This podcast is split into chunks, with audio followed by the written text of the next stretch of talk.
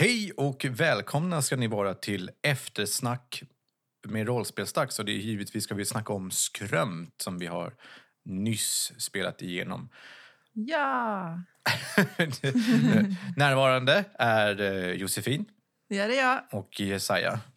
Ja, Vi har dessvärre inte med oss eh, Samuel för att när det här spelades in och även finalen så är det mitt i en av de mest stressiga perioderna för Samuel. Han håller på att flytta och allt möjligt och sånt där. Men han ska närvara ändå i textform så att eh, Josefin får i uppdrag att ibland eh, svara på lite frågor helt enkelt åt Samuel för han har skrivit ner sina svar. Och vi har ju fått Jag in... kommer inte ge mig på att imitera eller något, utan jag kör. Gör inte det, det blir bara konstigt. Vi har ju fått in jättemånga roliga frågor från er lyssnare och givetvis ska vi försöka sätta oss och besvara varenda en av dem. mm. Känns det bra? Nu har, nu har vi fått lite tid att, att smälta det här. Liksom. Det var ju ganska så upprört vid, vid stunden, men nu har det gått ett par veckor. Hur, Mm. hur känner ni nu? vill du börja Jossan? Ja, kan jag. Alltså jag, jag har så mycket positiva känslor från den här kampanjen. Samtidigt som jag tänkte att ja, men åtta avsnitt, mm, det kanske det känns först kort, men sen när man sitter i det så det var bra längd. Jag tycker vi slutade när den var på topp, när vi hade som roligast. Ja. Och eh, ja, nej men eh, det, det, var, det var en kul kampanj att spela. Kul är kanske fel ord, men ja. Men skönt att den kanske inte var så lång heller. Ja, det, det tog rätt mycket energi. Alltså man satt ju verkligen och var jättefokuserad Ja, av massa Ja, det här är ju det svåraste vi spelat Ja, det var det.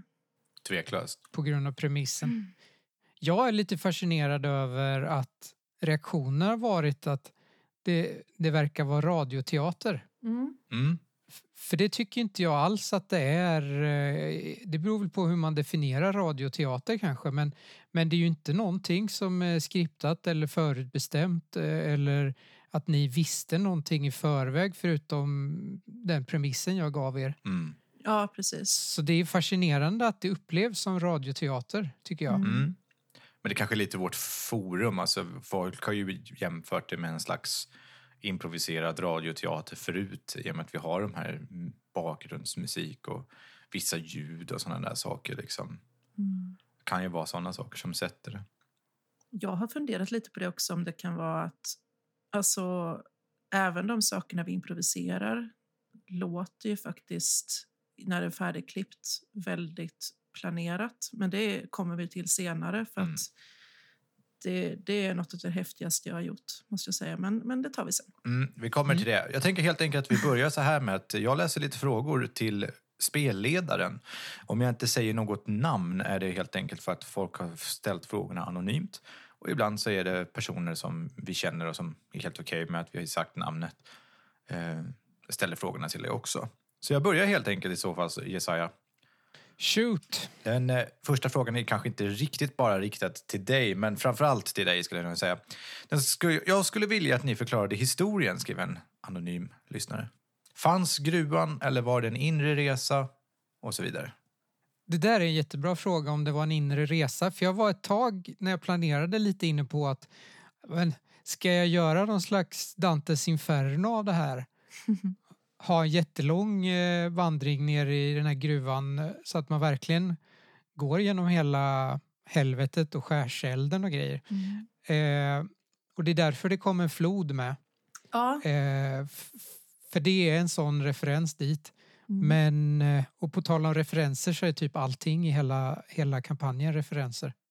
Typ. Eh, men, men så blev det inte. Jag kände att det blir för mycket grottröj som inte är spännande. Och Ja. det kändes inte passande heller. Mm. Så det var ju en vanlig gruva. Eh, en vanlig gruvort tänkte ju jag att det här var. Och eh, det är ju inte ovanligt med nedlagda gruvor i det här landet så det passade väl ganska bra och jag ville ju ha den miljön för eh, storyn. Mm. Ursprunget kanske jag ska komma till nu då. Hur uppkom idén till storyn? Ja, eh, anledningen till att det behövde vara en gruva var för att den här idén till det här äventyret kom ursprungligen ur tanken skulle det gå att spela Kristalltjuren i nutid. Och det var alltså min ursprungliga tanke var hur kan man spela Kristalltjuren eh, eh i Sverige 2021? Och eh, det var en kul tanke som började med att jag ska försöka inte spoila Kristalltjuren för de som inte spelar. Jag tänkte Nej, precis vi har fråga för den det. oinsatte. Men eh, jag kanske ska... Kristalltjuren är alltså ett äventyr skrivet av... eh, Erik Granström. Jag, jag var på väg att säga det, men så ville jag inte verka dum nu. Men, ehm, det är ju ett äventyr som är skrivet, eller någon slags drakar och demoner-setting från första va? början. Va? Ja. Ja. Så namnen Melina och Arne är ju en referens till eh, det eh, spel, eller det äventyret. Åh, vad roligt. Jag vet att du har pratat om att du vill att vi ska spela det, men vi har ju aldrig hamnat där. Vi började ju eh, och det är därför jag tänkte tanken hur kan man göra det här på ett annat sätt bara för att vi började spela och sen så sket sig den spelgruppen och därför tänkte jag att ja, men vi kanske kan göra det på något annat sätt. Aha. så pass. Sneaky. Då, då tänkte jag ju så och sen så eh, bara nej, det här kommer inte gå. det här är helt omöjligt att göra nutid av. Det blir alldeles för flummigt. Men eh, tanken fanns ju där och när vi fick skrömt eh, och bestämde oss för att spela det så, så kom ju alla idéer som, som sen utvecklades till det här som det blev. Det spelet, alltså det spelet skrev äventyret kan man nästan säga för det var så många idéer som föll på plats Ja. när jag läste reglerna. Okej. Hade det varit ett annat spel så hade äventyret varit jätteannorlunda. Jag kan tänka mig det. Mm. Men eh, de som har spelat Kristalltjuren, de vet liksom. Tror du det? Jag tror de kan se referenserna i, i alla fall. Ja, okej. Mm. Var det svårt att skriva till skrömt? Utöver olika varelser finns det inte så mycket setting-info i boken. Nej. Alltså det här, det här är väl det svåraste jag skrivit någonsin kanske. Så att så sätt var det ju svårt. Men skrömt som spel går, eh, alltså det är jätteapplicerbart på vilka situationer eller vilken setting som helst. Mm. Eh, jag tycker att det går att skapa vilken slags berättelse som helst med det spelet. Ja. Och det är, jag vet inte om man kan säga att ett spel är följsamt men, men det, är, det funkar väldigt bra in i en berättelse tycker jag. Och det har många sådana spännande ehm, tilläggsregler eller vad man ska säga som, som gör att det blir en spännande berättelse. Precis. Tillbakablickar exempelvis. Ja. Tänk er ett spel utan tillbakablickar. Hur skulle det här äventyret blivit liksom? Nej, men det var ju Ja, sällan det- man kände att det stod i vägen. Systemet Nej. var ju bara hjälpsamt eh, Mm. för att kunna bäva en stor, större story. Liksom. Mm. Jag var ändå väldigt skeptisk till det här med återblickar först när du nämnde det. Jag tänkte, bara, "Ha, hur ska vi väva in det också? Och sen efter ett tag så var det som att jag kan inte leva utan det. Det måste ha. Vi måste ha det. Nej, Det var ju där ganska mycket av eh, händelseförloppet blev förklarat. ja, precis. Jag tänkte det nog inte i början när vi började spela in det att eh, återblickarna skulle ha en så förklarande del som det hade. Alltså, tanken var väl att man skulle få, få svar på en fråga och sånt där, men i det här fallet så vi utforskade ju karaktären Mm. via våra återblickar och på så vis fick vi en tydligare bild av det. Ja, Det var och vi, roligt. vi, vi lyckades hitta ett sätt att verkligen leka med den, vad ska man säga, med den settingen eller någonting där vi verkligen kunde använda den för vår berättelse. Mm. Kändes det Mm. som i alla fall. Eh, Det var ju det, var det som var så himla kul. Jag vill påpeka också att jag har lagt mig i extremt lite i era tillbakablickar. Mm.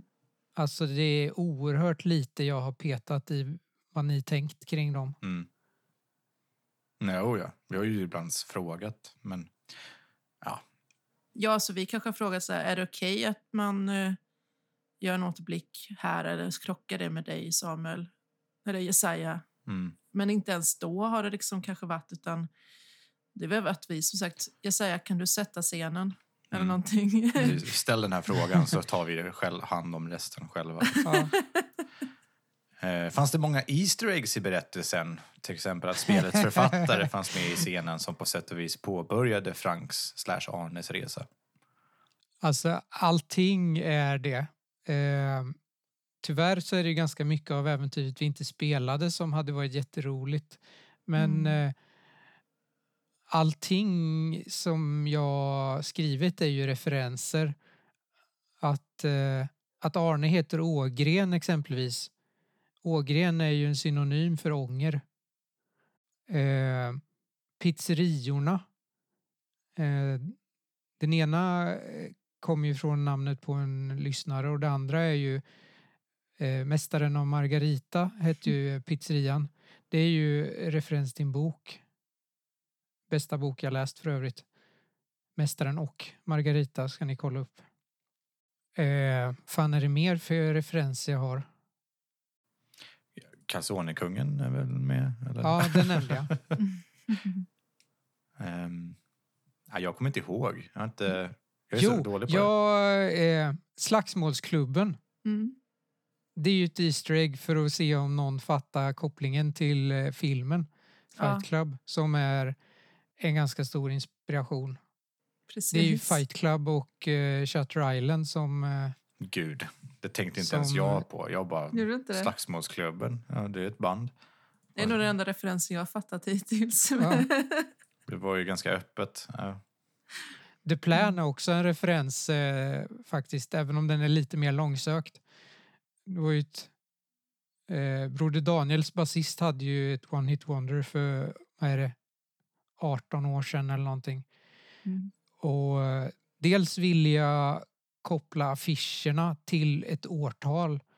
Men, men också den låten som de är kända med eh, passar lite in på Arne och Melina. Eh, deras hit. Vilken är det? Mon? Amour heter den. Aha. Alltså, det här blev djupt. Nu vill jag ju... Jag vill att du ska skriva ner alla de där små referenserna så att man kan hitta dem. Precis. Ja, alltså, ja, ja, alltså, som jag sagt, jag tror det blir tredje gången jag säger det nu, men allting jag tänkt kring det här äventyret är en referens. Mm. Varenda namn, eh, varenda... Ja, kanske inte Blotbergets loppis, det är nog ingen referens. Men häftigt. annars, annars är, det, är det nog det. Förutom det ni etablerat. Det Mm. ni etablerat eh, har ju inte jag haft någon kontroll över och då har det ju inte varit någon referens. Nej, men det är kul med att få bilden hur genomarbetat där. Mm. Jag är lite ledsen över att eh, det är så mycket som gick förlorat också men det får väl kanske Mm. komma någon annan gång eller så. Ja, jag förstår eller så det. får någon annan spela äventyret. Hur svårt är skrämt att spelleda? Vad bör man tänka på? Jag tycker det är ganska enkelt, eller kanske till och med jätteenkelt. Eh, mekaniken är inte särskilt svår. Man har värde i en grundegenskap och den ska man slå under med ett par tärningar. Det, jag tycker det finns ett djup i att man ska slå un, lika med eller under sin grundegenskap snarare än bara ett gäng tärningar där eh, ett visst, en viss siffra är eh, lyckad. Det finns ju lite mer avancerade saker som tillbakablick och utökad prövning. Man måste ju inte använda dem. Jag har valt att använda utökad prövning när jag tyckte passat eh, för att skapa lite mer dramatik. Mm. Och de är verkligen inte krångliga. Jag tycker inte det är krångligt stridssystem heller. Varje motståndare har en svårighetsgrad och så ska man komma upp till så många lyckade tärningar för att besegra den.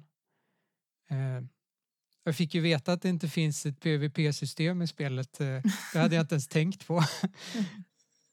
eh, så att det kommer ju väldigt naturligt. Det var bara självklart att det skulle gå och att ni skulle ta och fightas sinsemellan eh, Mm. och hur det skulle fungera. Ja, men precis. Så jag tycker det är väldigt naturligt och lättspelat och jag kan rekommendera alla att testa. Mm. Det Absolut. passar för många olika settings eller berättelser också som sagt. Den kommer en ganska stor fråga också. Men eh, hur mycket var radioteater och hur mycket var rollspel? alltså det beror kanske på vad man lägger in i begreppet radioteater. Men det finns ju ingenting som var skriptat eller förutbestämt. Ni visste inte om premissen som jag hittat på. Eh, ni, det enda ni visste var ju att en person av er ska spela exorcist, ska åka på uppdrag eh, Mm. i sin gamla hemort. Och vi visste ju att vi, eh, att vi inte fanns. Vi visste ju, jag och Jossan gick in med premissen att vi finns inte. Nej, Vi är, fikti- vi är fiktiva personer i Franks hjärna. Men sen visade det ju sig att det var ju inte heller sant. Så att eh, även där var vi, vart vi ju lurade. Så jag vet inte vad som är radioteater överhuvudtaget egentligen. Nej, jag tror att när ingenting förklaras och vi bara går med på saker, då är det ju som att vi har gått, ja, alltså, planerat det. Jag tror att man får bilden av att vi har haft väldigt bra koll. Sen har ju jag klippt ner det otroligt mycket för att få bort alla de här grejerna som vi... För ibland måste vi ju bara fråga. Bara, Vänta lite nu. Finns inte ett Frank heller? alltså det blir såna här konstiga saker som att man måste... vara- Det kan vi inte ha med för då blir det ju bara tråkigt liksom i den settingen och den pro- produkt som vi ville göra liksom. Mm. Men... En annan grej som jag tror gör att det känns som radioteater är att jag har ju varit väldigt tillåtande med vad ni har etablerat. Ehm, Min tanke om eh, Franks pappa exempelvis var ju inte alls att han skulle vara särskilt mörk och ondskefull och elak och jävlig. Nej, det, Det, skapar det jag. gjorde, precis, det gjorde du, Micke. Och eh, jag hade inte bestämt exakt vad som hade hänt med Lina. Ehm, det, var, det hade hänt någonting hemskt men jag specificerade ju aldrig vad utan det var faktiskt ni som, som specificerade vad som hade hänt. Ja. Ja. Och sen har ju jag kanske gett er hintar om vad som har hänt så att ni har hamnat... Ja men eh, ni har fått tum om vad som kanske hände och sen så har ni fått fylla i det själva. Ja, ja, precis. men precis. Det är så jag känner också. Vi har ju berättat åt dig ganska mycket. Precis. Jag har ju sagt på skoj att ditt jobb som spelledare har ju varit jävligt lätt. För att vi har tagit över hela tiden och bara sagt ah, men Jesaja, säg det här. Det här blir bra Jesaja. Fråga mig hur jag mår. Och så, så, och så säger Jesaja bara, ja okej. eh, hur mår du Frank? Eller hur mår du Conny? Och sånt där. Ja. Magnus undrar, hur gick det för Melina? Blev hon en mara? Ja, vad säger ni? Gjorde vi någon nytta verkligen? det vet jag inte. Äh, Conny och Johanna ska nog inte utlysa sig som några hjältar där. Men eh, jag skulle tolka det som att hon inte blev en mara. För alla demonerna försvann ju i slutändan. Ja, var eller hon- var det vi som var demonerna? Eh, Det, det, frågan är riktad till dig, Jesaja. Så Ja, att, det är eh, Ja. Alltså, men jag håller med Jossan där. eh, Om det fanns något slags lyckligt slut så skulle det ju vara att eh, Conny och Johanna dog och sen så vad Frank skulle göra med sig själv var ju lite oklart. Men, men så som det slutar tänker jag att eh, hon har fått någon slags upprättelse för eh, den ondskan hon drabbats av är borta Mm. och då kanske hon kan få frid. Ehm, var väl, kan vi väl säga. Det hade ju kunnat sluta precis hur som helst. men Arne överlevde väl? Eller?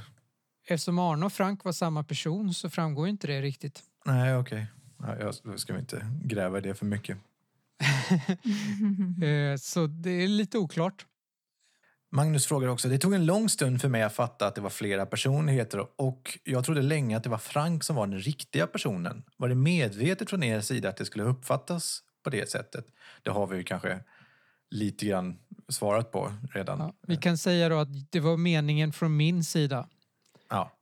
Ni porträtterar det ju som att Frank var den riktiga personen. Mm. Och det var ju vad ni trodde också. Ja, vi var precis. övertygade om det. Jag kände ju att jag... Det, det fanns ju en eh, twist som alla lyssnare skulle få eh, höra. Men sen hade jag ju en egen... Jag ville ju ha en egen twist för er också. Och det var ju att, att det var Arne som var den riktiga personen. Mm. Ja, precis. Frank Isaksson har en fråga. Jag är förväntansfull på eftersnacket gällande hur involverade spelarna var i plotten alternativt annars hur spelaren tänkt för att lyckas plocka fram vändningen så snyggt. Eh, Har lite det har vi väl på. kanske också svarat på automatiskt här. Det vi kan säga att vändningen i alltså slutet på avsnitt sju när du säger du är Conny. Mm. Det var ju inte jag som hittade på eller föreslog det. Nej, Jag hade ju inte ens bestämt vad Agneta var för slags person. Alltså, Nej jag det tänkte ju Agneta... på.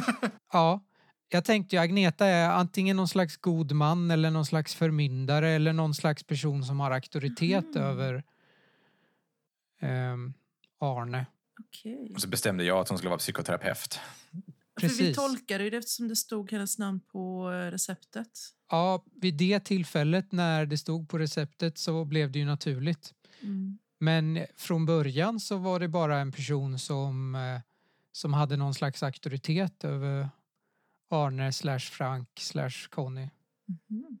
Ja, nej, det, det, det flöt in, men vi hade ju lite en bild av att det här blir coolt. Om vi ändå vet att revealen ska vara att Frank är en och samma person, då blir det ju ballt att man skapar det på det här Mm. viset. Så vi hade ju Mm. ändå det tänket som spelare att, Mm. att vi skulle lyfta fram den twisten lite grann. Och sen så vart ju vi överraskade över det mitt i spel också. Mm. Jag lämnade ju revealen till er. Ni fick ju bestämma hur ni skulle avslöja att, att ni var en och samma person. Mm. Just Det det. hade inte precis. jag planerat någonting hur det skulle gå till. Nej, det är ju när eh, jag och Samuel rollspelar. Mm. det mötet. Och det är ju helt improviserat. Vi har ju ingen aning om vad vi ska säga eller hur, utan det, det var ju bara helt och hållet taget ur luften. Och varit skitbra verkligen. Det, Så jävla snyggt. Jag får rysningar av det. Men jag satt ju med, jag kunde ju se det utspelas och, jag, och verkligen bara sit, ha, då- Jag satt och bara liksom, har ni planerat detta? För det kom så naturligt, Mm. många av de här. Ni, ni gav varandra krokar att plocka på och plockade upp någonting där. Och, ja, det var riktigt synkat. Jag tyckte det var fantastiskt. Ja, det var väldigt det roligt. Mm. Martin Stackelberg frågar, vilka bitar var det som var extra svåra att spelleda under scenariots gång? Det, det som var svårt var ju att inte försäga sig. Dels Mm. för ehm, lyssnare som inte ska få... Det hade varit skittråkigt att fatta redan i första avsnittet att det var en och samma person. Eh, Mm. Så inte försäga sig och sen så att inte försäga sig att, att Arne var den riktiga personen. Hur kan jag ge hintar om att Arne egentligen var den riktiga personen utan att ni som spelare skulle fatta det? Det, det var svårt. Mm. Och eh, en annan sak som jag tycker var svår var att få Frank att ifrågasätta sin, eh, sin lögn. ja. För Samuel spelade väldigt hårt på, på den och eh, den blev nästan bara starkare och starkare för varje avsnitt. Ja, det var, hade diskussioner om det i spel, minns jag. Mm. Att man sa, men du måste kanske börja överväga att du, du kanske inte har helt rätt i det här. Liksom. eh, Ja. Men eh, nej, det var Och bra. det har jag funderat på eh, och vi har kanske inte pratat jättemycket om det men det var ju Samuels idé med demoner och det var ju hans idé med eh, den här boken. Så jag undrar om han trodde eller hade fått en idé om att det skulle handla om demoner. För det fanns ju inga demoner. Jag hade lite dåligt samvete för att Samuel skriver 40-sidig bok helt i onödan. Helt i onödan blev det ju inte sen. Nej. Men, eh, men eh, Men det gjorde väl att det var svårare för Samuel kanske att inse att så, så kanske inte är fallet. mm. Att det är inte det som är sant. Liksom. Men jag har gjort boken här, jag håller den ju framför mig. Då blir det svårare att, att eh, godkänna att det inte finns. Liksom. Ja. Jag vet inte. Men, men det var svårt i alla fall, eh, de bitarna. Jag behövde ju hela tiden lite sitta, sitta på nålar och tänka efter vad det är jag säger så att det inte avslöjas. Ja. Så jag, hade, jag behövde ju planera rätt jävla mycket. Det var mycket jag behövde tänka kring. Vad händer om de gör så här? Vad, vad borde jag säga eller vad borde hända om det här? Mm. En sak som jag funderade på var ju om Arne skulle dyka upp i slutet, i slutstriden. Ja, just det. Jag hade en jättebra Wow. cool idé om eh, om ni skulle säga någonting så skulle skulle Connys röst, jag, tänk, jag övade lite på att snacka som Conny för att säga, säga någonting och sen så när ni vänder er om så är det Arne som står där och ni har hört Connys röst. Kan inte vi få höra hur du pratar som Conny? Nej, Ja, du kan inte säga så sen inte berätta. ja.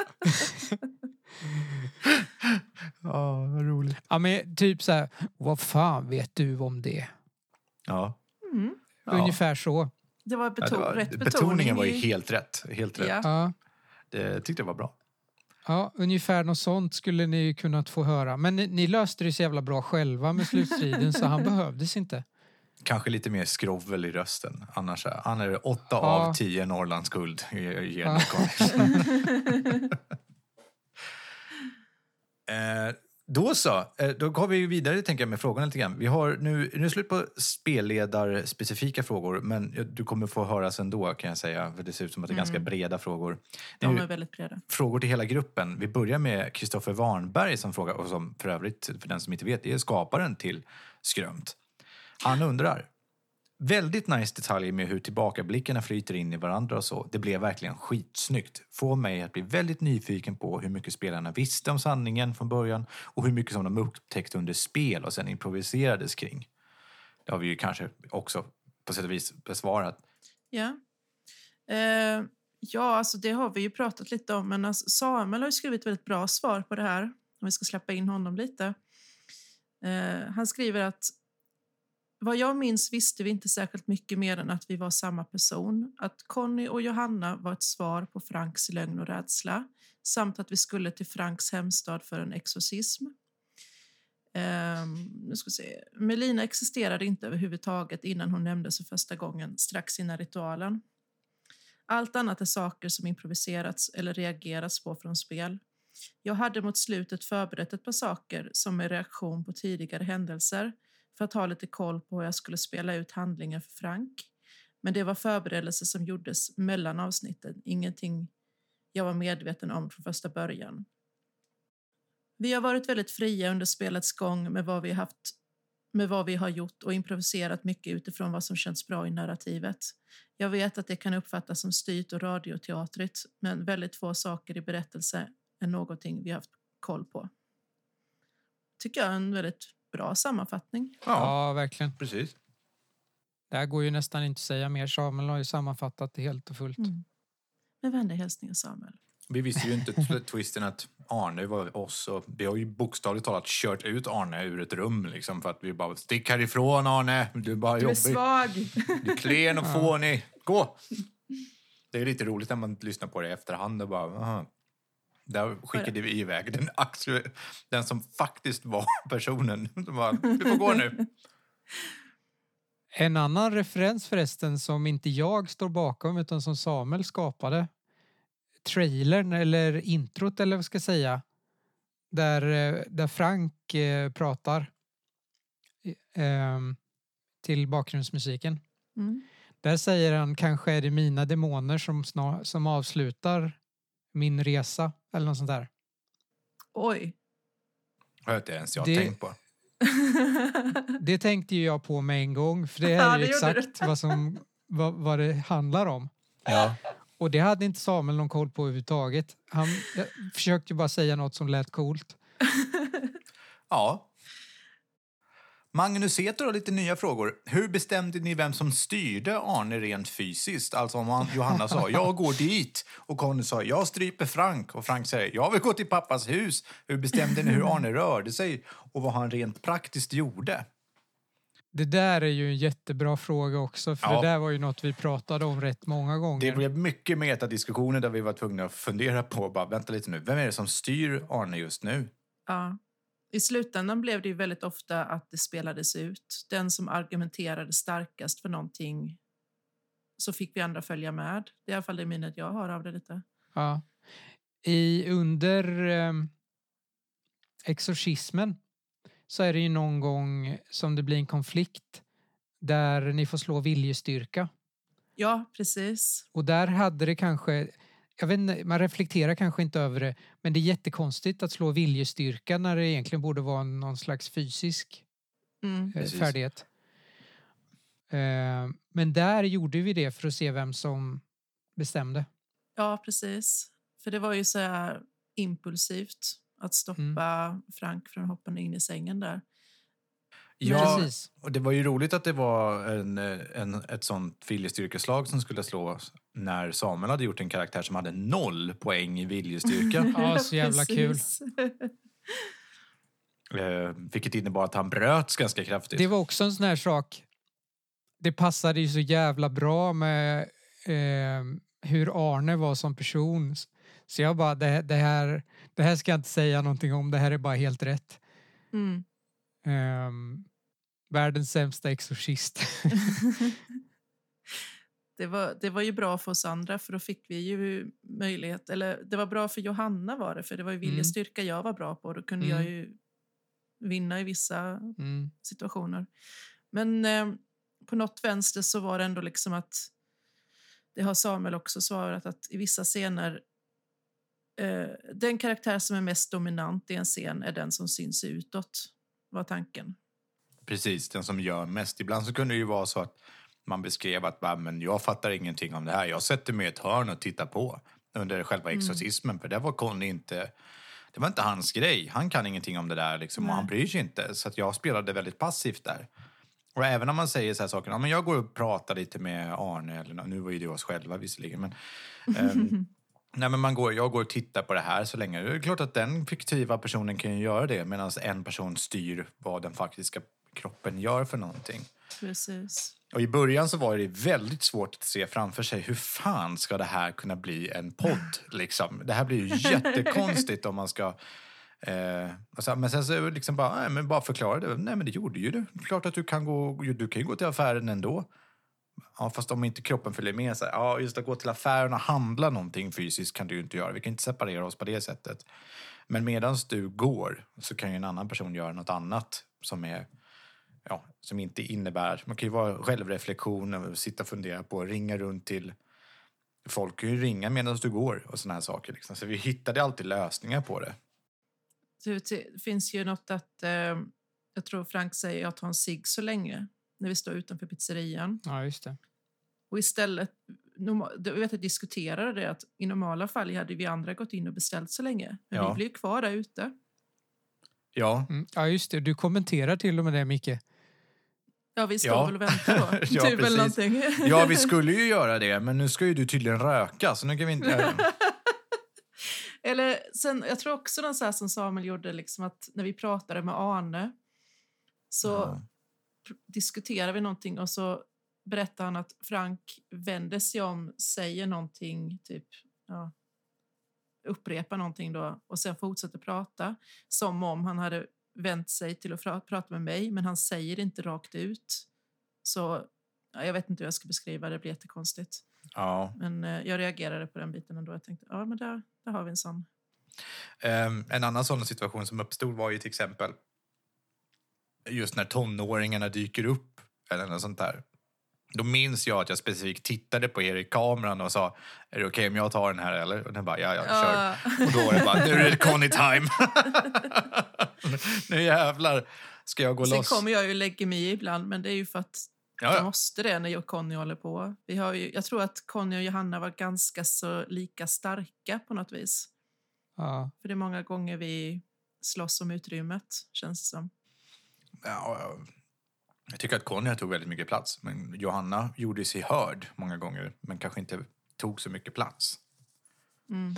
Tycker ni att jag gav eh, Samuel och Frank för mycket plats? I början, första avsnitten, tyckte vi ju det. Ja, men det var mest för att jag var sån här bara, alltså kan vi inte bara försöka fokusera mindre på Frank i huvudkaraktären liksom för att det inte ska bli så tydligt att vi två andra inte finns liksom. Mm. Mm. Eh, det, det var väl det enda. Men det, Men det var, vände, det sa vi i början och sen så Mm. liksom vände ju vi på det själva och började mer attackera Frank med olika saker liksom. Ja. Mm.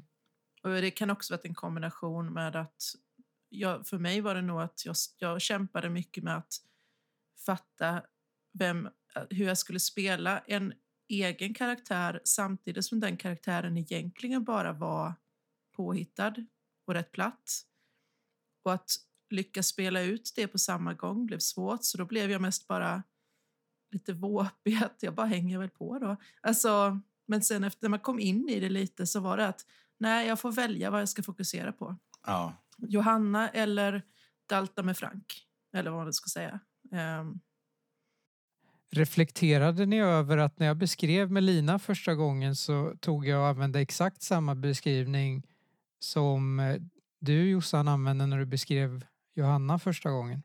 nej, det har jag inte reflekterat över. Vad häftigt. Det tänkte inte jag heller på. Det. Se, vi blir fan mindblown fortfarande. Ja. nu måste Det jag enda lyssna jag ändrade på var att du sa råttfärgat hår och jag sa ljusbrunt hår. Aha. Mhm. Det är enda skillnaden. Fan, nu måste ju jag lyssna igenom hela skiten snart. Ja. igen. ja, för jag var ju baserad på hans mamma eller någonting. Ehm, Trodde nog du, fast trodde jag. det, det var nog så, det blev nog så i spel. Eh, min tanke var ju att du skulle vara baserad på Melina.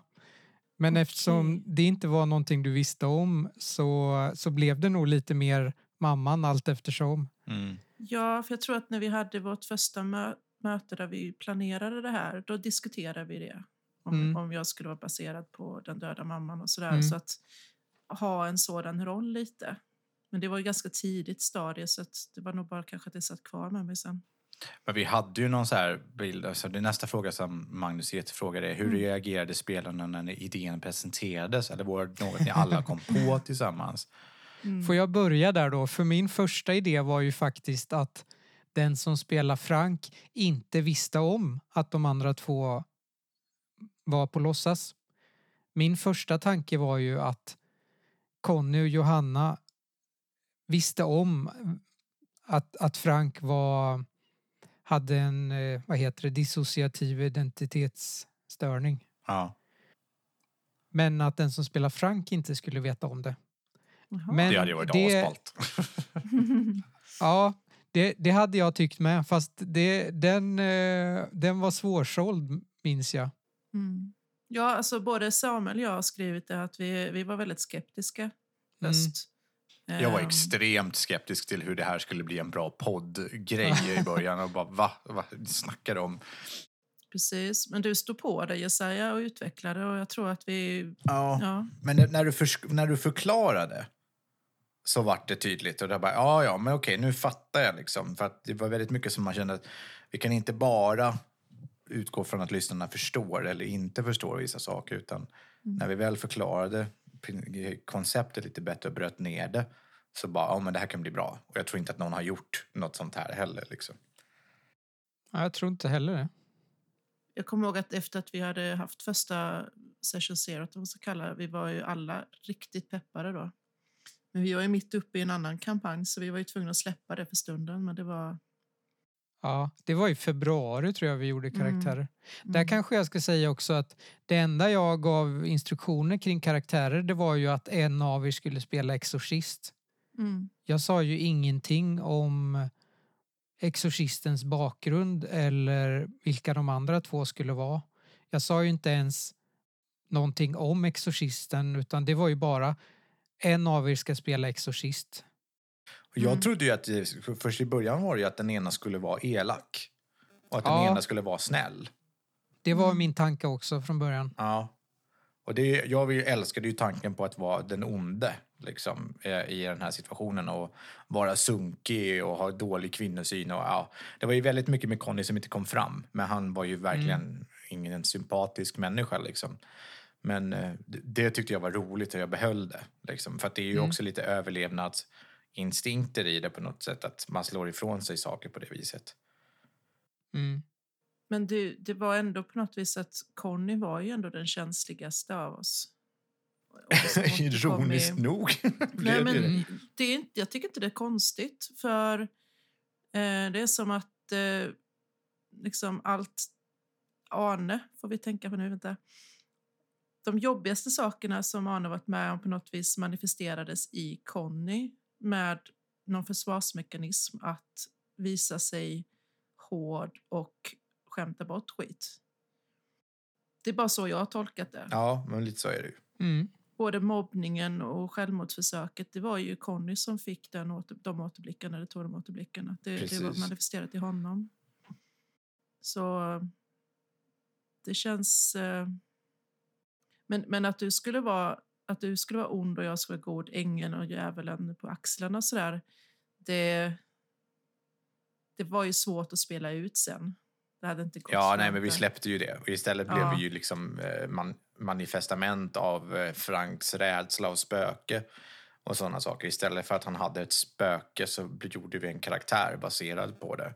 Mm. Det är ju därför, det är ju därför Conny har liksom som rädsla hängningen och sådana här saker, att han försökte ta livet av sig. Mm. Hela den, alla de rädslor och allting pla- placerades ju istället i Conny. Så Conny blev uppstod. Vad, vad är motsatsen liksom? Ja, det är en riktigt tuff gubbe liksom som inte viker sig för någonting och som aldrig verkar upplevas vara må dåligt eller någonting sånt. Precis. Och lögnen att allting... Lögnen var ju att...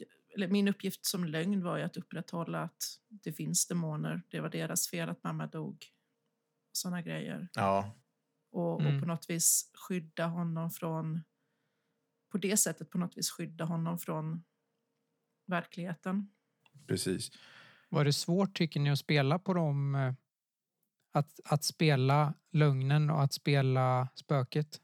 Ibland, men, men eh, Frank gjorde ju väldigt mycket av det arbetet åt mig när han inte kunde släppa. Alltså, han var ju Ja. bestämd att det var Dionones, så jag hade inte så mycket jobb att göra där. Nej, precis. Det skötte han ju själv. Och sen var det så här, att man ska vara den som skyddar en person betyder ju inte alltid att man eh, inte kan vara tuff mot den personen. Det, det tycker jag i alla fall är, är en, kanske ett tecken på en eh, bra relation. Att man kan faktiskt vara rak, rak och ärlig mot en person och den personen får ta det även om det är lite tough love just då. Men Det, var, det var så jag såg framför mig Frank och Connys relation. Liksom. De Ja, kunde bråka precis. sinsemellan men sen var det bra. Liksom. Mm. Jag trodde ju att Conny skulle mobba Frank. Ehm, Men så blev det ju inte alls. Nej, det, det var aldrig min bild. Nej, Nej det var min bild innan vi började spela. men ka- kanske lite eh, trycker nog eh, Conny till eh, Frank. Liksom vardagligt. Liksom. Mm. Men eh, ja, inte värre än att han kan ta det tror jag. Mm. Daniel Elenius undrar hur stöttade Skröms regler berättelsen ni gjorde? har vi också svarat på kanske. Det här med återblickarna var ju perfekta för oss. Ja, det var det. Ja, som jag sa, alltså, den där regelboken skrev äventyret. Ja, precis. Jag hade ju en idé innan, men, men eh, det här idén om att spela om att en karaktär skulle vara lögnen och att en karaktär skulle vara spöket. Den fanns ju inte innan, Mm. innan jag hade läst reglerna. Nej, just det. Vad var svårast att få till? Undrar Daniel också. Ja. Ja, men det, var, det är nog som sagt det här att spela både en egen karaktär och lögn till någon annan. Att inte Att- råka att- försäga sig. Mm. Att man- Ja, nej, men att, att eh, i och med att jag egentligen bara är påhittad, eller vad man ska kalla det, utan att eh, förminska eh, det här stö- eh, sjukdomen, så är jag ju ganska fragmenterad. Och då är det ju rätt... Min uppgift är att upprätthålla någon annans idéer och världsbild. Och då blir det ju svårt att spela en egen dynamisk person. Så det tyckte jag var svårast, men fick ju släppa det lite mer och bara försöka bli mer Johanna efter ett tag. ja. Ehm, Samuel menar att eh, det svåraste var det som du var inne på, Micke, att inte försäga sig och göra sådana misstag och sådana grejer. Att, Ja, verkligen. eh, det var gå på äggskal nästan. Hela den här berättelsen har ju två narrativ. Eh, Ett narrativ som era eh, karaktärer upplever och sen ett helt annat narrativ som är den riktiga berättelsen eller vad man ska säga. Mm. Och de går ju ganska ofta in i varandra men, men eh, ganska ofta hänger de inte ihop. eh, eftersom det är en person som inte var frisk. Ja, precis. Och att, att få dem parallella på ett sätt som var logiskt i mitt huvud, det var svårt. För ni kände ju inte till det riktiga narrativet. Ni kände ju bara till det ni upplevde. Mm. Vad är ni mest nöjda med undrar Daniel? Att det lyckades. Eller hur? Micke, vill du börja? Eller börja, vill du Jag, ta jag tror att nog just att, att, att det lyckades bli rätt bra. Att jag tror att folk... Jag tror, att det tog, jag tror att det tog jävligt lång tid innan folk förstod att vi alla tre var samma person. Att vi själva la ut ledtrådar hela tiden för det. Och Jesaja gjorde ju också i, i början, och så, men det var så långskott så det var nog ingen som fattade där och då. Men det gick ju om man verkligen var skarp att bara, jaha, man beställde beställa en pizza eller tre pizzor eller hur det nu var och sådär. Och att det fanns, någon, folk tycker ni är konstiga och sådana här saker liksom. Mm. Men nej, det var, det var roligt att det blev en sån mindfuck tror jag för många att de inte fattade det alls och sen när de förstod Mm. så var det så logiskt liksom. Mm. Jag tror att det absolut första jag säger i hela eh, äventyret är ju eh, att, det, att det kommer en skugga på er tre. Eller något sånt där. Ja, just det. Jag kommer inte ihåg exakt hur jag formulerar det nu. Alltså, Men, har eh, jag sovit den här kampanjen? Alltså, det är så många småsaker Ja, jag inte kommer ihåg det på. också. Och jag var så här bara, hmm, mm. Eller när att vi bara får en kopp kaffe av Ja. eh, kafeteriapersonalen i, på tåget och sådana saker. Det, det var sånt som jag satt, jag satt ju bara, folk kommer fatta på en gång! Det, de jättenoga. köper det inte, Ja. de kommer gå på en gång, de kommer, allt kommer gå falla ihop. Och sen bara, nej, det var ingen som fattade. Sex avsnitt in, ingen har fortfarande fattat. Men vad fan? När vi praktiskt taget skriver ut det till dem. Nej, Ja, precis. Nej, då började jag Om det undra var om någon inte som- lyssnarna var lätt efterblivna eller någonting. För att vi, men det är ju lätt att säga när man vet. Mm, det Ja. det. Plus att om det var någon som fattade så är vi ju jättetacksamma att det inte skrevs ut offentligt. För Ja, det var ju verkligen. roligt. Och det var det jag sa, liksom, att det räcker med att en person klickar ur sig frågan bara, eh, är ni allihopa samma person? Mm. Så hade ju, då hade ju det så fröet såtts till alla andra liksom, som hade Ja. läst det. Så att... Eh, Så det är skönt och att folk håller sig till spoilertråden är fantastiskt. ja, också. Mm. det är bra. Eh, Uppskattar det. Ja. Mm. Jag är ju mest nöjd med, som sagt, återblickarna. Men alltså, för att det var något av det coolaste jag har varit med om när vi har spelat in. Att eh, exempelvis, jag hade en återblick. I den återblicken så, i- te- planer, så bestämmer jag, ah, nej, men jag krossar den här vasen. Det är det som utlöser allting och återblicken tar slut. Och sen en stund senare så sitter Frank och Conny och diskuterar där det helt plötsligt dyker upp att "Ja, ja, men det var ju det att det var en krossad vas på rummet som gjorde att mamma kunde fly Ja, dö eller vad det var. Och att vi la ut sådana krokar till varandra hela tiden och då plockades upp och sånt där. Jag får liksom gåshud nu nästan när jag tänker på det för det var så coolt att vi var så lyhörda på varandra. Mm. Det var så häftigt. Verkligen. Vi var ju tvungna att vara jättelyhörda på varandra för att varenda sak som sades kunde ju tolkas på ett visst sätt och vi ville ju verkligen hålla på hemligheten ganska länge men Ja. hinta om den hela tiden. Precis. Ja, det var häftigt. Vad är Samuel mest nöjd med? Har vi sagt det? Eh, han, han sa som dig där att, eh, att, det var inte no- att ingen verkade fatta eller att fall inte sa någonting om det. Och att eh, ja, han pratar också om att eh, vi var väldigt oroliga för att lyssnarna skulle fatta det i första avsnittet och så vidare. Så att, eh, det är han nöjd med att, inte, det var, att ingen fattade. Jag är ju rätt nöjd med att ni inte fattade det övergripande narrativet, alltså det, det bortanför eh, Frank Arne upplevde. Mm.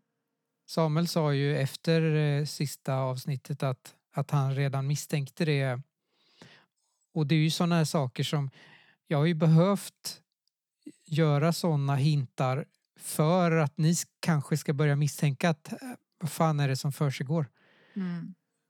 Men eh, jag är rätt nöjd över att det kändes ändå som att det kom out of the blue när, när eh, Bergsfrid kallade er för Arne. Mm. Ja, jag Ja. fattar ingenting. Alltså, jag, jag ska vara helt ärlig så misstanken fanns där men den var inte så konkret att man vågade säga någonting att aha, alltså det var som mest var väl att kanske att Arne var ytterligare en personlighet men fortfarande Frank var Ja, huvudkaraktären. precis. liksom, det var så inpräntat i mitt huvud också. Liksom. man hade ju väldigt mycket små tankar om att här, inget Mm. av det här kanske ens finns. Liksom. Det var inte så att man var helt out of the blue. Och att, Mm. det här med att Arne kanske inte finns heller var fan det är ju försnurrat där också. Men eh, Mm. det som var den totala sanningen, att det var Arne som var den sanna personen och det var den som fanns på riktigt, det fattade inte jag. Eh, det hade jag nog inte tänkt heller. Liksom, utan, men vi hade väldigt många inside-diskussioner om att Emelina inte finns på riktigt och, ja, och så vidare. Så att eh, det var, det var nästan omöjligt att inte snudda vid tanken. Men ingenting som man kände så här, "Nej, nu är jag helt säker på att det är så här det är. precis. Ni hade ju kunnat gå och besöka Melinas föräldrar men det gjorde ni ju aldrig.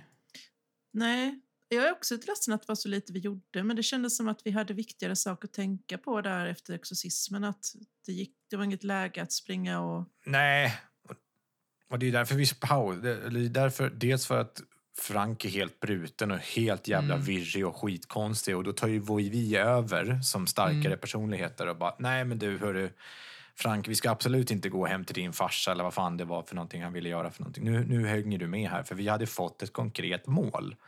Vi ska till berget för där finns Mm. Bergsfrid och Melina och vi måste rädda Melina.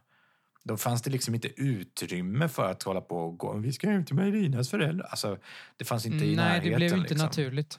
Mm. Jag hade ju fått för mig att ni skulle gå och lägga er efter exorcismen och sen fortsätta dagen därpå med någonting.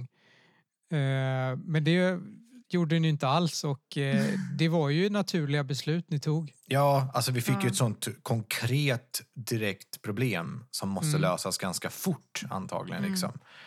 Ehm, det var nog därför som det vart så. Ja. Men, Och det men hade där- jag ju egentligen inte tänkt. Men eh, det är ju, så blir det ju i rollspel. Man kan ju aldrig planera Nej. allting 100 procent. Precis. Men jag pushade lite för att nej, vi måste vila nu, vi måste vila nu Mm. och sådär. För att jag tänkte att nu har han planerat någonting här. Så jag var lite som vad jag vill veta. Plus att jag visste att jag hade mardrömmar så jag hoppades verkligen på ett mardröm. Så jag bara, Precis. Ja, den var jag rätt nöjd med när jag kom på. För jag bestämde ju inte att din karaktär skulle ha mardrömmar. Det bestämde du själv. Och så var jag tvungen att bara okej, vad betyder det? Hur ska jag få Mm. in det? Just det. Det är ganska mycket som ni etablerat som jag behövde fundera på. Ehm, ni gjorde ju varsin eh, SLP. Och de behövde jag ju komma fram till. Vad fan är det här för personer? ja, vad är mitt ex förresten? Jag bestämde att eh, du gjorde ju Agneta, Conny. Ja. Eller eh, Micke.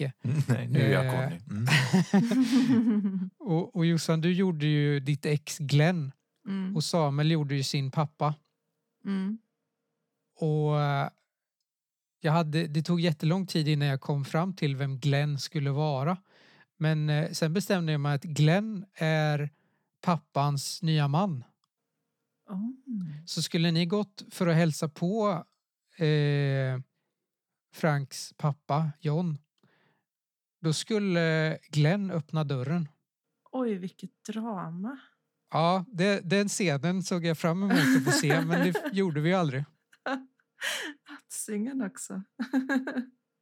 Ehm, ja, det var min tanke i alla fall att eh, Glenn skulle vara Johns man. Otroligt spännande. Det hade varit spännande att, att se också. Ja. Vad ta- John och Glenn är för referens, eh, det kan vi se om någon lyssnare knäcker. Okej. Eh, ta en fråga till från Daniel. Han undrar vad, vad var det som väckte mest känslor? Det är en bra fråga. Ja, verkligen.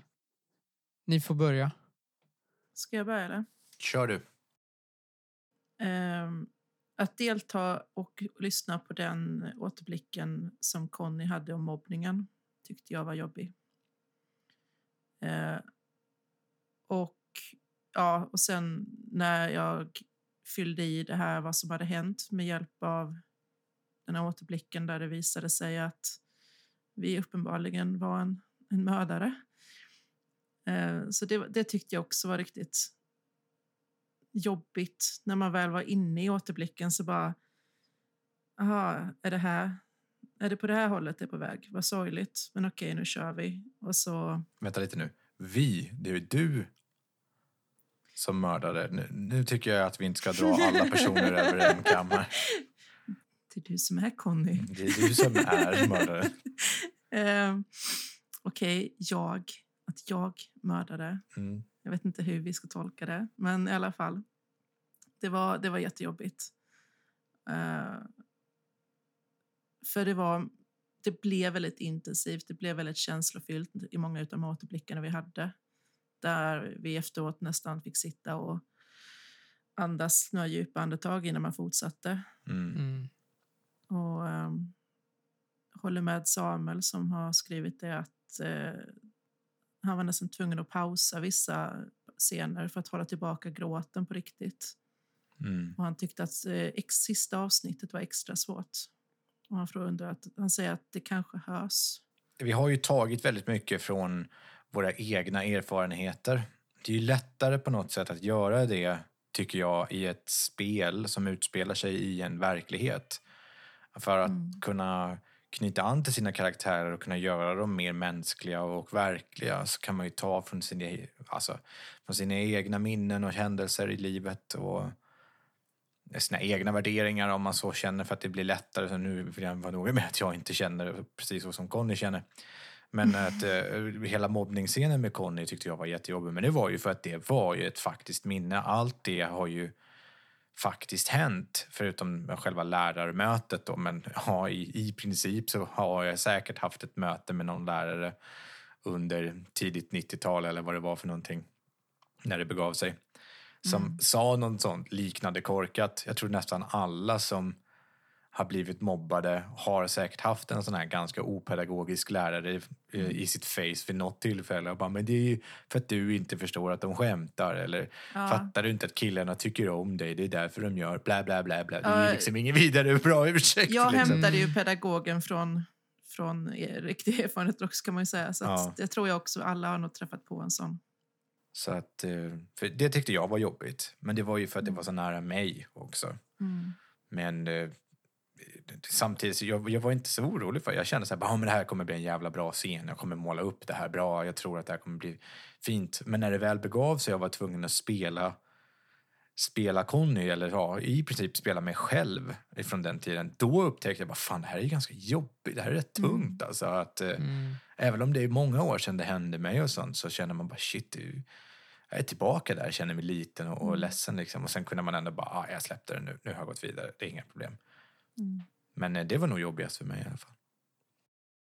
Verkligen. Jag tycker det var jobbigt att skriva en berättelse som kretsar kring eh, någon slags våld mot en kvinna. Mm.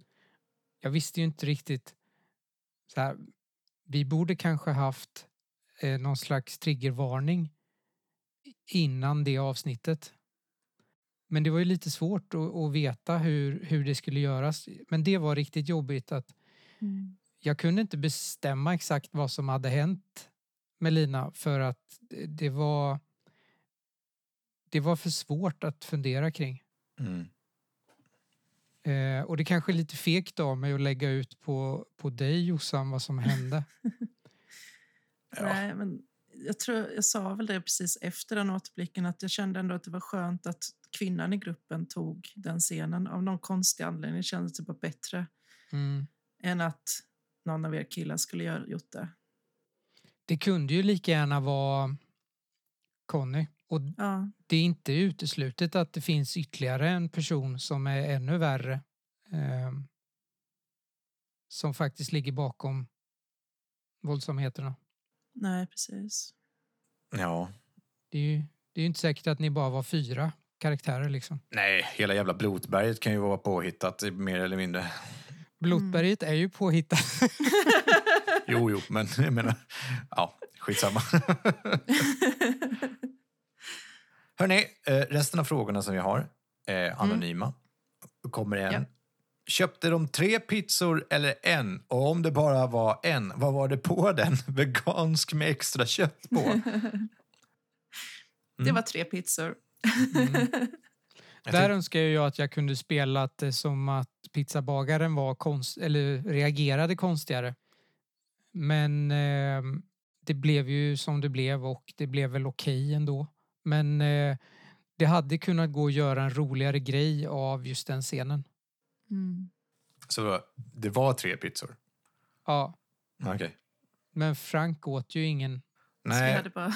och eh, det verkar ju som att eh, Johanna mådde illa så det kanske var en vegansk pizza med extra kött trots allt. Vad hade hänt om Conny vann? Det är en bra fråga. Ja. Det är en jättebra fråga. För Alltså- det var inte självklart. Det är inte självklart. Alltså, man kan ju tro att han skulle gett sig på Johanna också för att bli den enda. Eller sådär, ta över Arne. Men det känns också som att han är ju patologiskt rädd för att vara ensam så han kanske hade velat behålla någon. Vad, vad tror du, mycket? Jag tror att eh, Conny hade, om, om det kommer fram att det måste bara, kan bara finnas en som styr så hade nog Conny eh, sett till att bli ensam. Mm. Men eh, hade han haft kontroll över Johanna till exempel så hade han nog kunnat köpa att hon fanns. Mm. Men att det var han som bestämde för att han är den starke, tyckte Conny. Liksom. Mm. Frank var så jävla velig och dålig på att ta hand om eh, Arne som kropp. Liksom. Mm. Så då tyckte Conny att han kunde ha gjort det bättre. Alla, trots allt anser ju han att alla starka minnen och sånt och att Conny slash Arne slash Frank fan, fortfarande finns är på grund av Conny. Mm.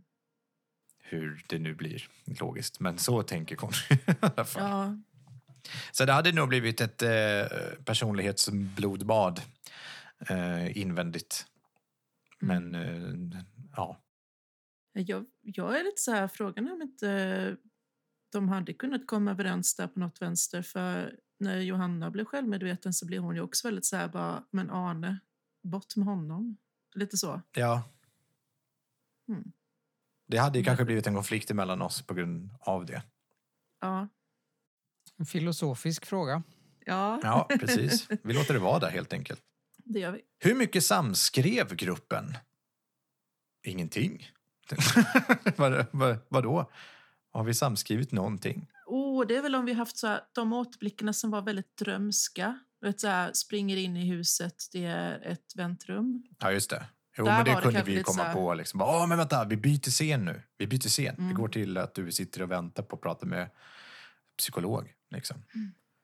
Men det var ju för att de var ju så flippiga att det Ja. hade inte gått att göra själv. De, men de Och- var ju i stunden. Liksom. Så att, så- Mm. med begreppet samskrev, det går, beror väl på vad man Ja, drar det. precis. Liksom. Det är Inget för... är ju skrivet. Eh, ut- utan den enda som skrivit någonting är ju jag. Eh, men, men eh, man kan väl säga att tillbakablicken är samskapade eller samimproviserade.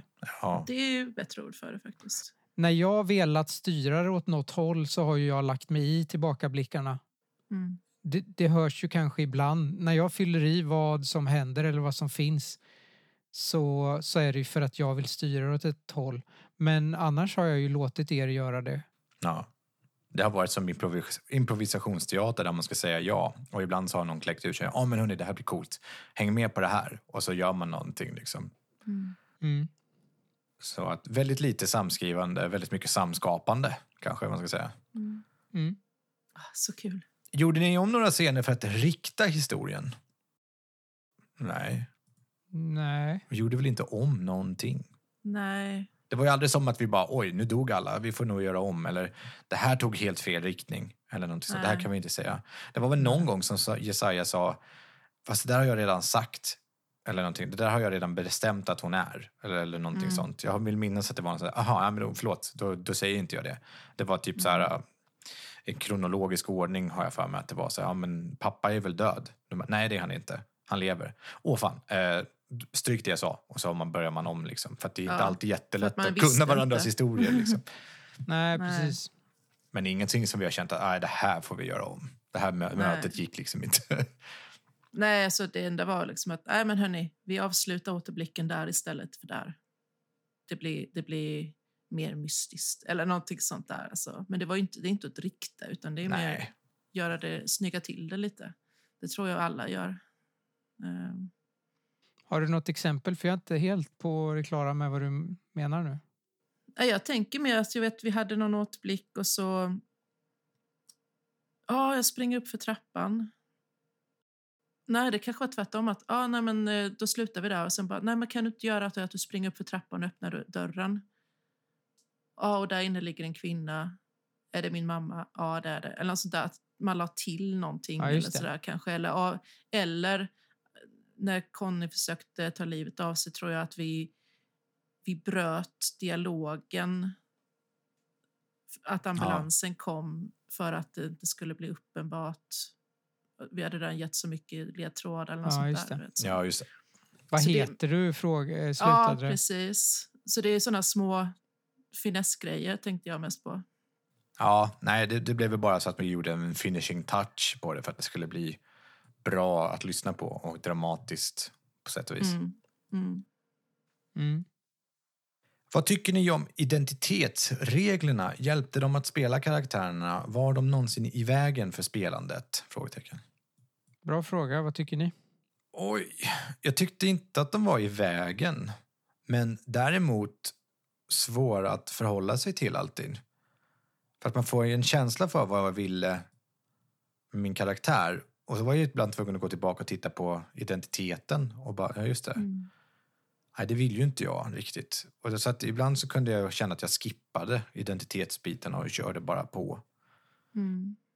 Kanske något begränsande upplevdes det som att de var ibland, men ändå inte, inte i vägen. De var ju mer riktlinjer kändes det som.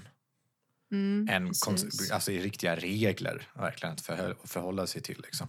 Det är ju svårt att ha någon ordentlig karaktärsutveckling när man är påhittad Ja. figur. Ja. Vi var ju tvungna att begränsa kort. oss på andra sätt. om man säger så. så vi, Ja. Hade man spelat en karaktär som inte var en och samma person, alltså man hade en fristående karaktär och göra lite vad man vill med, då hade jag nog ändrat mycket mer på det än vad vi gjorde. Men vi var ju tvungna på sätt och vis att vara ganska statiska för att Mm. upprätthålla våra roller. Mm. Vad tycker du Jossan? Ja, jag har är lite svårt att... Jag vet inte riktigt vad jag tyckte om det, men jag kan ju ta Samuels här. Eh, han tyckte att de var rätt mycket i vägen på vissa sätt. Eh, han skriver att nu var ju hela premissen uppbyggd kring Frank och hans identitet, men det var svårt att ta sig ur hjulspåren som redan var satta där. Franks krokar kändes helt bortkastade eftersom vi aldrig lät oss utforska Blotberget särskilt mycket. Men som helhet känns ju just identitet och krokar som två delar som är väldigt hjälpsamma i rollspelssammanhang. Och jag var väl inne lite på, när jag tänkte på den här frågan, då var jag med inne liksom på just eftersnacket som vi hade efter varje. Att jag älskar konceptet om det är runt bordet spel, men i poddform så blev det lite eh, lite knackigt och lite svårt. Men det är nog också det sabbar stämningen och vi kunde inte säga för mycket i de där eftersnacken ändå för att då hade vi avslöjat alltihopa och Ja. sådär. Eh, jag tyckte om det här med spöke, lögn och rädsla och jag hade älskat det om jag hade varit en riktig person. Däremot krokar hade jag lite svårt att eh, bara komma ihåg att de fanns ibland. Ja, sen var vi så uppe i vår egen story på något sätt. Ja, precis. Det är jättebra för... Alltså, jag tror att det kan funka jättebra i, i, i spel generellt, att de finns med tekniskt. Men eh, vi hade så mycket annat att tänka på så det var svårt att ha det med i huvudet hela tiden också. Ja, och så, så här, eftersnacksgrejen är ju sån sak som är... Är det verkligen relevant? Alltså, Mm. jag tyckte inte att... Jag förstår att det ska vara med för att det är en del av själva rollspelandet. Men jag tyckte aldrig att det var särskilt intressant att göra. Nej.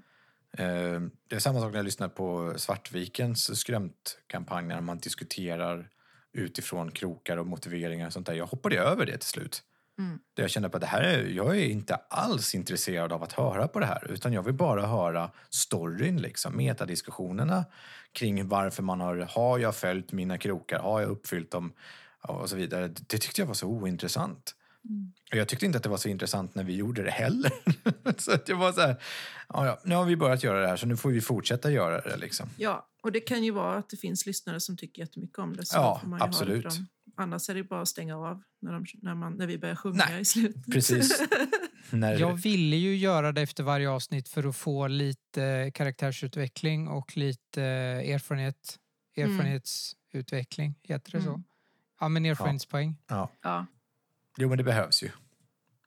Ja. ja, Och och sen det ju- kanske det är lite, lite väl snällt att göra det typ varannan timma. Vi spelar ju kanske två, tre Ja, timmar eller någonting. Ja, Så att få erfarenhetspoäng efter två timmars spel eller någonting kanske vi är hade ju snällt. alltid fullt med ödespoäng eller Ja. ödestärningar. Jag ville ju dock göra det för att det, jag visste ju att det skulle bli ganska kort och jag vis, visste att eller jag ville att det skulle bli någon slags Mm. utveckling där. mm. Men det reagerade jag på. Du hade ju kunnat be om mer slag.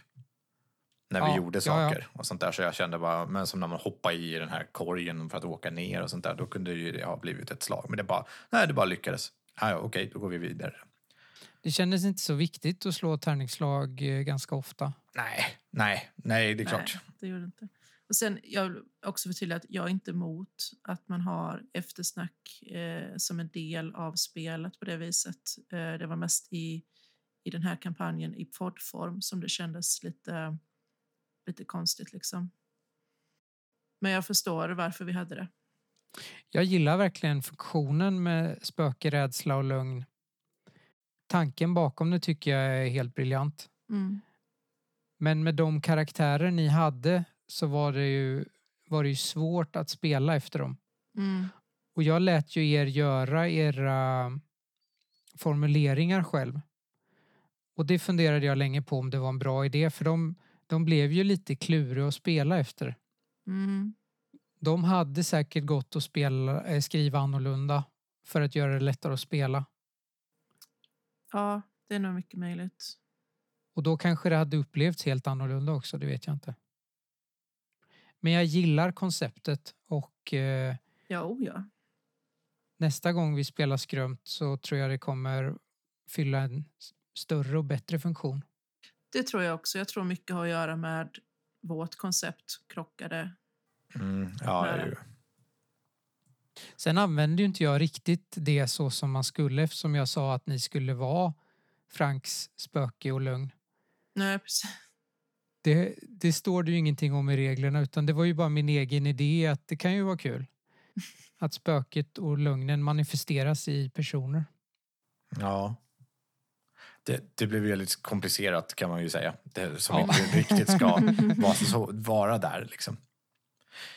Hur planerade ni tillbakablickarna och var det några moment som var tillrättalagda för lyssnarnas skull? Det är väl nästan samma fråga som vi haft tidigare. Det, det är ingenting som vi har. Mm.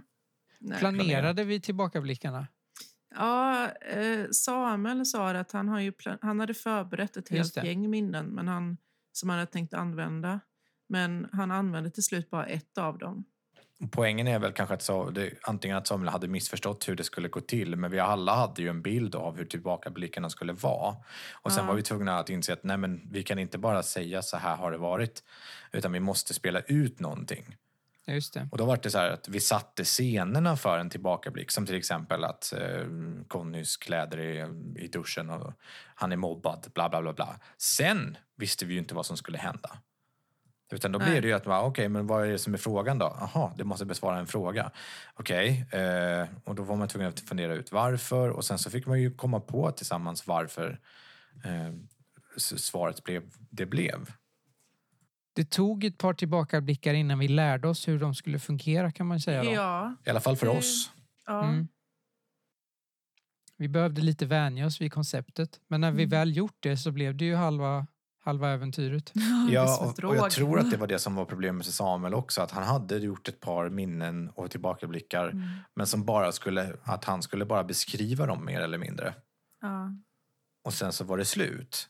För att jag, jag tror att det var därför han hade flera färdiga. ja, jag tror det också. Och sen så blev de ju, inse, såg vi att de blev ju interaktiva på ett annat sätt. Ja. Så det blev ju nog inte så många som vi först hade tänkt och inte så Nej. snabbt. För det blev ju en större scen varenda gång. Liksom. Mm. Jag tycker vi blev bättre och bättre på att ha tillbakablickar ju längre vi spelade. Ja, Mm. absolut. När började spelarna förstå hur saker hängde ihop? Ja, typ Mm. inte alls. För den sista avsnittet fattade man väl typ, jaha, är det så här det funkar? Ja. Det, det gjorde du jättebra, Jesaja. Att du bevarade mysteriet så här, på något sätt ända till slutet. Och även om vi som sagt kunde misstänka saker och sånt där så var det ju faktiskt först i gruvan som man bara, hmm, det är någonting här, har vi varit här innan? Och, ja, då börjar man ju misstänka någonting. Bara vänta lite. ja, och, och, och mardrömmen var också så här, vänta lite nu. Eh, men det var riktigt snyggt mysterium Ja. där man verkligen inte fattade. Jag tyckte det var så kul att Connys fotspår var det som fanns där. Men Mm. hade man tittat under fötterna på alla så hade ju alla haft likadana skor. Liksom. Ja, Men Conny blev den det som där var också en sån här sak. Jag behövde ju fundera ett tag på vems fotspår är det egentligen? Och så var det bara så här, spelar det egentligen någon roll? Men jag behöver ju säga att det är någons. Mm. Jag kan ju inte säga att det är ert fotspår liksom. Så jag var ju tvungen att bara, okej, den här personen här. Jag behövde ju ge ledtrådar eller hintar om er båda. Mm. Och då blev det ju, jag fick ju portionera ut vem som vem som låg bakom vad. ja. Och jag tror att ni har lika många, men jag är lite jag tror, osäker. Jag tror det också, för vi har ju Connys fotspår, vi har Franks fotografi och vi har ju mitt öronhänge. Och det var ju inte ditt örhänge egentligen, det var ju Melinas. Jaha. Ah, Eh, men eftersom, eftersom min bild är att du var baserad på Melina, inte på mamman, så, Mhm. så är det ju Melinas örhänge. Men eh, det är ju meningen att eh, du ska tro att det är ditt eftersom du är baserad på Melina. Mm. Eh, Samuel säger att, eh, lite som vi andra här, men han också säger att han hade misstänka om att det kanske inte ens existerade något monster. Men där hade han ju fel, säger han. Mm. Ja. Mm. Ja, jag bestämde ganska tidigt att ett bergsrå skulle ha räddat Melina. Mm. Men eh, bara tillfälligt. Det var ju hela tanken. Hon, hon försöker påkalla Arnes uppmärksamhet att du behöver sona ditt brott Mm. om hon eh, ska få frid. Trodde de andra spelarna att de skulle vara support åt Frank hela tiden? Och det är väl riktat till dig och mig då, Jossan? Ja. ja, det trodde vi. Ja, eh, support. Alltså, ja eller nej. Eh, Både ja och nej. Alltså jag tänkte väl någonting att om han tvivlar på mig som lögn så kanske jag blir, försvinner. Så det var ju lite att man... man vet, vi, alltså, vi har ju bara gjort en version av den här sjukdomen som ska vara lite snajsig i berättarform och då vet man inte riktigt hur det funkar men risken är ju att om vi inte supportar Frank så kanske vi tappar kontrollen eller vi blir försvagade. Jag tänkte nog hela tiden att, vi, att man kommer alltid vara kopplad till Frank. Men det betyder ju inte att jag alltid kommer hålla med Frank istället. Nej. Ja, Jag, jag tänker inte support på det viset, men jag, jag förstår vad jag menar. Nej, precis. Nej, men att... Vi vi, var ju inte där för att lyfta fram Frank som person som sidokaraktärer hela tiden. Så, var, så upplevde inte jag det. Mm. Utan vi var en del av gänget, precis som alla andra karaktärer som vi någonsin har spelat. Det var bara det att Mm. vi måste tänka på att vi är samma person. Mm. Sen agerade jag som om att jag var min egen hela tiden. Men att man givetvis istället för att kanske ta väldigt mycket plats i en konflikt och inse att ja, men nu är det nog jag som ska backa. Eller Mm. nu är det jag som tar över det här för att det är jag som har en personlig anknytning till irritationsmoment med gamla tanter och tonåringar eller vad det var för någonting. Liksom. Men det föll sig ganska naturligt. Jag behövde ju hela tiden fundera på hur era två karaktärer skulle kunna ta mer plats Ja, i Mm. berättelsen. För det var, det var ganska svårt eftersom från början så visste ju inte ni om att ni varit i, i Blotberget och så Nej. vidare. Jag behövde ju verkligen tänka på hur, hur kan jag skapa situationer som visar på att ni är en del av berättelsen, att ni har varit här innan också, utan att ni misstänker allt för mycket. Mm. Jag hade en idé exempelvis. Jag frågade ju i något avsnitt vad i tillbakablicken eh, med mobbingen så tror jag jag frågade vad de kallade Conny. Mm. Jag hade ju hoppats att du skulle säga någonting som inte var namnrelaterat. Du sa ju Svett-Conny, men hade du satt, sagt vad som helst Ja, som inte det. var kopplat till ett namn så hade det gänget dykt upp och använt det namnet fast kanske inte om dig. Nej. Så hade det varit en hint om eh, att ni var olika. Jag tänkte inte på det. Det skulle du ha pushat för. Bara säg någonting. Som Ja, jag hade ju kunnat säga nej men ta något annat men jag, men jag ville ju inte. Nej, Jag ville ju att ni skulle få styra ganska mycket. ja, det hade varit bra. Men det är skönt. Ibland kan man, får man släppa i bra, bra idéer också. Liksom. Mm. Ja, det var en eh, darling jag fick killa. Man får göra det ibland känns det som. Precis. Ja, Det börjar bli ganska långt det här eftersnacket. Ja, Men nu är det jag- sista jag vill- frågan. Jag vill bara ta lite snabbt. Ja. Eh, att apropå det med Kill your darling så hade jag en monolog ifall Conny och Johanna skulle bli the last standing.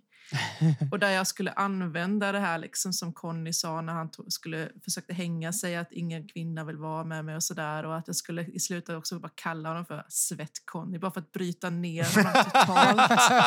och bara Jesaja, be mig slå viljestyrka eller någonting och så bara mosa honom. Jag hade verkligen planerat att ta de här känsliga sakerna för att störa Conny och så kom Ja. det, liksom, blev det inte så. Men det är också så här, Kill your darling släppte Jossa. Det, Det var ju också ganska roligt att Conny var ju ett monster på sitt sätt. För att eh, jag gjorde ju Conny som en enabler. Han gör bara saker. Alltså han kan ingenting. Utan han har bara råstyrkan. Så när Mm. vi skapade karaktärerna så la jag inte en enda poäng i färdigheter. Utan allt gick in i grundstatsen. Så att han hade ju svinhögt i allt. Ja. liksom. Ja. det, var, det varför det var så här styrkegrej. Absolut, jag har fyra styrka, vilket är typ Mm. det största du kan ha. Liksom.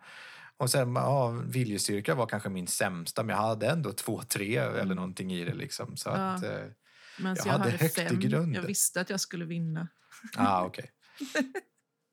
Sorry. Eh, nej, men det var det som var lite roligt med Conny i efterhand. När man sa, allting baserades väldigt ofta på att han skulle kunna saker och så var det grundstats som gällde. Mm. Och alltså, slåss och sådana saker. Det, Mm. det var lite kul. Han var liksom bara brute.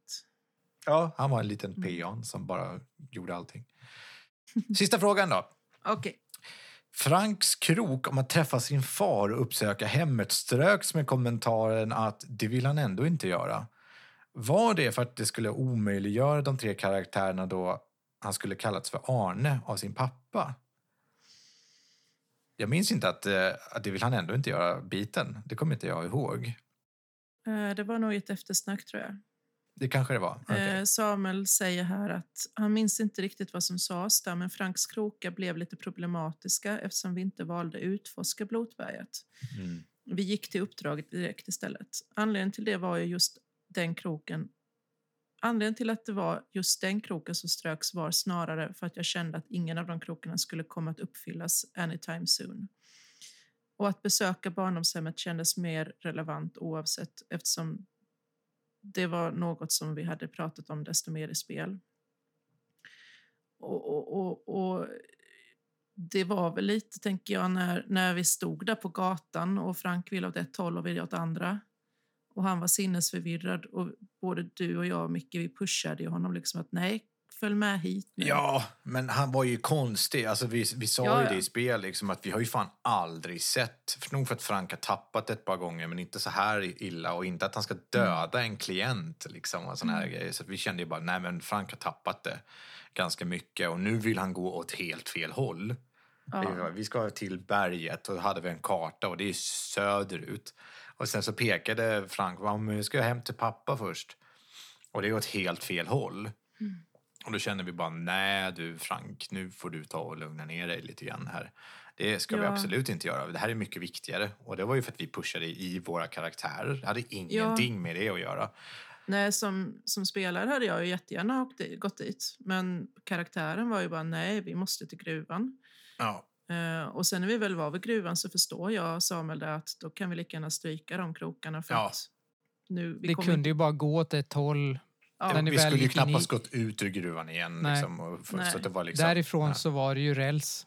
Det Ja. var ju oundvikligt. det var Precis. gruvvagn hela vägen ner i sjöket. eh, nej, men annars hade, hade Frank varit mer stabil och motiverat på något sätt att han skulle gå dit, då hade nog Mm. Frank, eller då, då hade nog Conny bara följt med och bara, "Ja, ja, okej, jag tycker att det här är betydligt viktigare visserligen, men tycker du att Mm. vi ska göra det och det ger någonting, då kan vi väl göra det. ja, Men eh, det, han hade ingen bra grund att diskutera på. eh, Nej, han hade inte Frank. det. Så vi fick ju vara de dominanta där och ta Ja. över kroppen. Så att Vi säga. sa ju det mer eller mindre, nu tar vi över, för du är ju bruten av Mm. eh, så mycket skada som man kunde göra. Och är, är Frank bruten, då tar ju vi per automatik över. Liksom. Mm. Så det var därför det, diskussionen gick, vid, vid stunden i den scenen var det att diskussionen gick mellan mig och Johanna. Mellan Conny och Mm. Johanna menar jag. Om vad ska vi göra för någonting. Frank är ju dum i huvudet just nu. Liksom. Vi kan inte, Mm. han, går inte, han är inte betrodd. Liksom. Och då vart det som det blev. Precis. Så det var nog inget djupare än det. Alltså, det var ingenting för att undvika någon reveal eller något, utan bara... Det var det hållet spelet tog. Ja, det var frågorna, va? Ja, det var varenda fråga som vi hade tagit. Underbara frågor. Tack så jättemycket Mm, för det, ja. hörni. Vad roliga frågor det var. Ja, verkligen. Uttänkta och det märks att ni har lyssnat och funderat lite grann. Alltså. Mm. Det har vi också gjort, kan man säga. Om inte ännu mer nu. Ja. Eh, Ja, vi får ju jag uppenbarligen lyssna igen, Jossan. Ja, får sätta mig med det strax.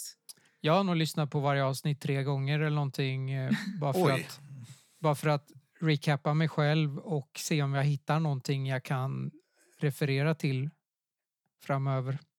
Det tror jag är bra i en sån här kampanj. Jag lyssnar ju nästan aldrig på den färdiga produkten. Utan lyssnar ju när jag har klippt det. Så att jag Mm. hör ju väldigt sällan när musik och allting är lagt. Mm. Du får göra det när du känner att du blir lite sugen på att Ja. veta vad som egentligen hände. Ja, det, det, blir, mm, det kommer jag nog göra. Alltså. Ja, jag ville ju göra någonting som nästan behöver lyssnas om också. Precis, det var ju det som vi tror vi lyckades med. Ja, Ja, jag hoppas det. Och så hoppas jag att eh, ni som har haft frågor fått dem besvarade lite mer i alla fall. Som ni hör så har vi ju varit lite förvirrade också. Precis. Och Vidare vi frågor måste- ställs direkt till Jesaja. ja. Här är numret, bara ring. Precis. Ring när ni vill. Men hörni, då säger vi väl så va? Ja, ja Tack. jag vill, tack så jättemycket för kampanjen. Både tack till själv. dig Jesaja och till andra. Ja, detsamma. Ja. detsamma. Och tack Det har för till varit roligt. Som har lyssnat. Ja, Ja, tack för er som har jättetack. lyssnat också. Det har varit väldigt roligt att följa folks reaktioner på vad som har hänt och revealen och twist och alltihop. Folk har ju blivit skrivit direkt till oss och varit riktigt Mm. upprörda över vad som har hänt och varit jätteglada. Ja, Så att det har varit skoj som fasen alltså. det har det verkligen varit. Vi vill också även passa på att eh, säga och informera framförallt er lyssnare som följer oss väldigt aktivt kan man väl säga. Det en, hel av er, en hel del av er lyssnar ju först när allting är klart så man kan bingea alltihop.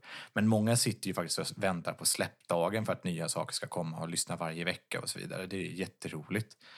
Däremot så har vi insett att att arbeta på det sättet och att släppa i det tempot som vi har gjort. För ofta så påbörjar vi ett projekt utan att knappt ha någon buffert på två, tre avsnitt. Och det räcker med att någon måste till tandläkaren, att någon arbetar kväll eller natt eller någonting och då blir allting plötsligt uppskjutet en vecka. Och plötsligt får vi jobba under väldigt hög stress.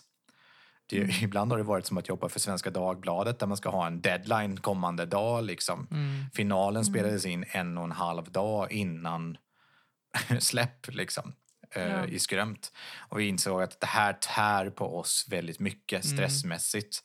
Eh, och det, det blir dålig stämning i gruppen och så vidare. Så för vår egen Ja. skull och för att vi ska kunna orka fortsätta hålla på och släppa den här podden så kommer vi nu ha lite längre avbrott innan vi börjar släppa igen. Vi kommer börja Mm. släppa avsnitt och släppa varje vecka precis som vi har gjort förut innan. Men först när vi har en rejäl budget. Alltså att man kanske nästan ibland i vissa sammanhang har spelat in en hel kampanj Mm. innan vi börjar släppa.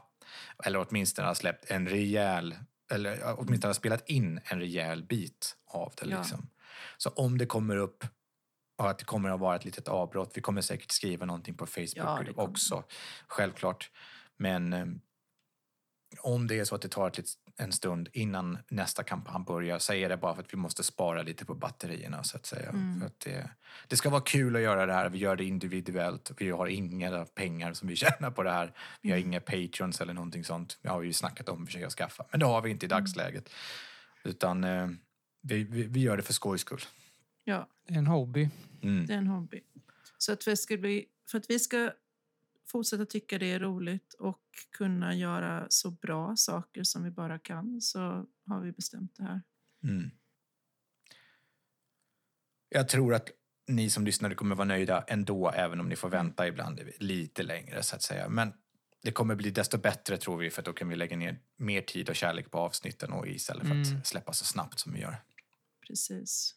Ja, det kommer finnas ett lugn och en trygghet som vi inte riktigt haft den här sommaren. Nej, Nej. men som vi inte har haft någonsin sen vi började. Liksom. Vi har alltid jobbat under eh, stark press, liksom, att Mm. hålla släpptider. tror vi har haft max fem veckor buffert. Ja, och sen har den försvunnit buffert, och de har jävligt försvunnit fort. så Mm. snabbt, ja. Aj. Ja. Nej, hörni, med det sagt, Ja, stort tack till er lyssnare och Ja, så hörs vi jättetack. snart igen. det gör vi. Det gör vi. Ha det så Hej fint. Hej då. Hej då.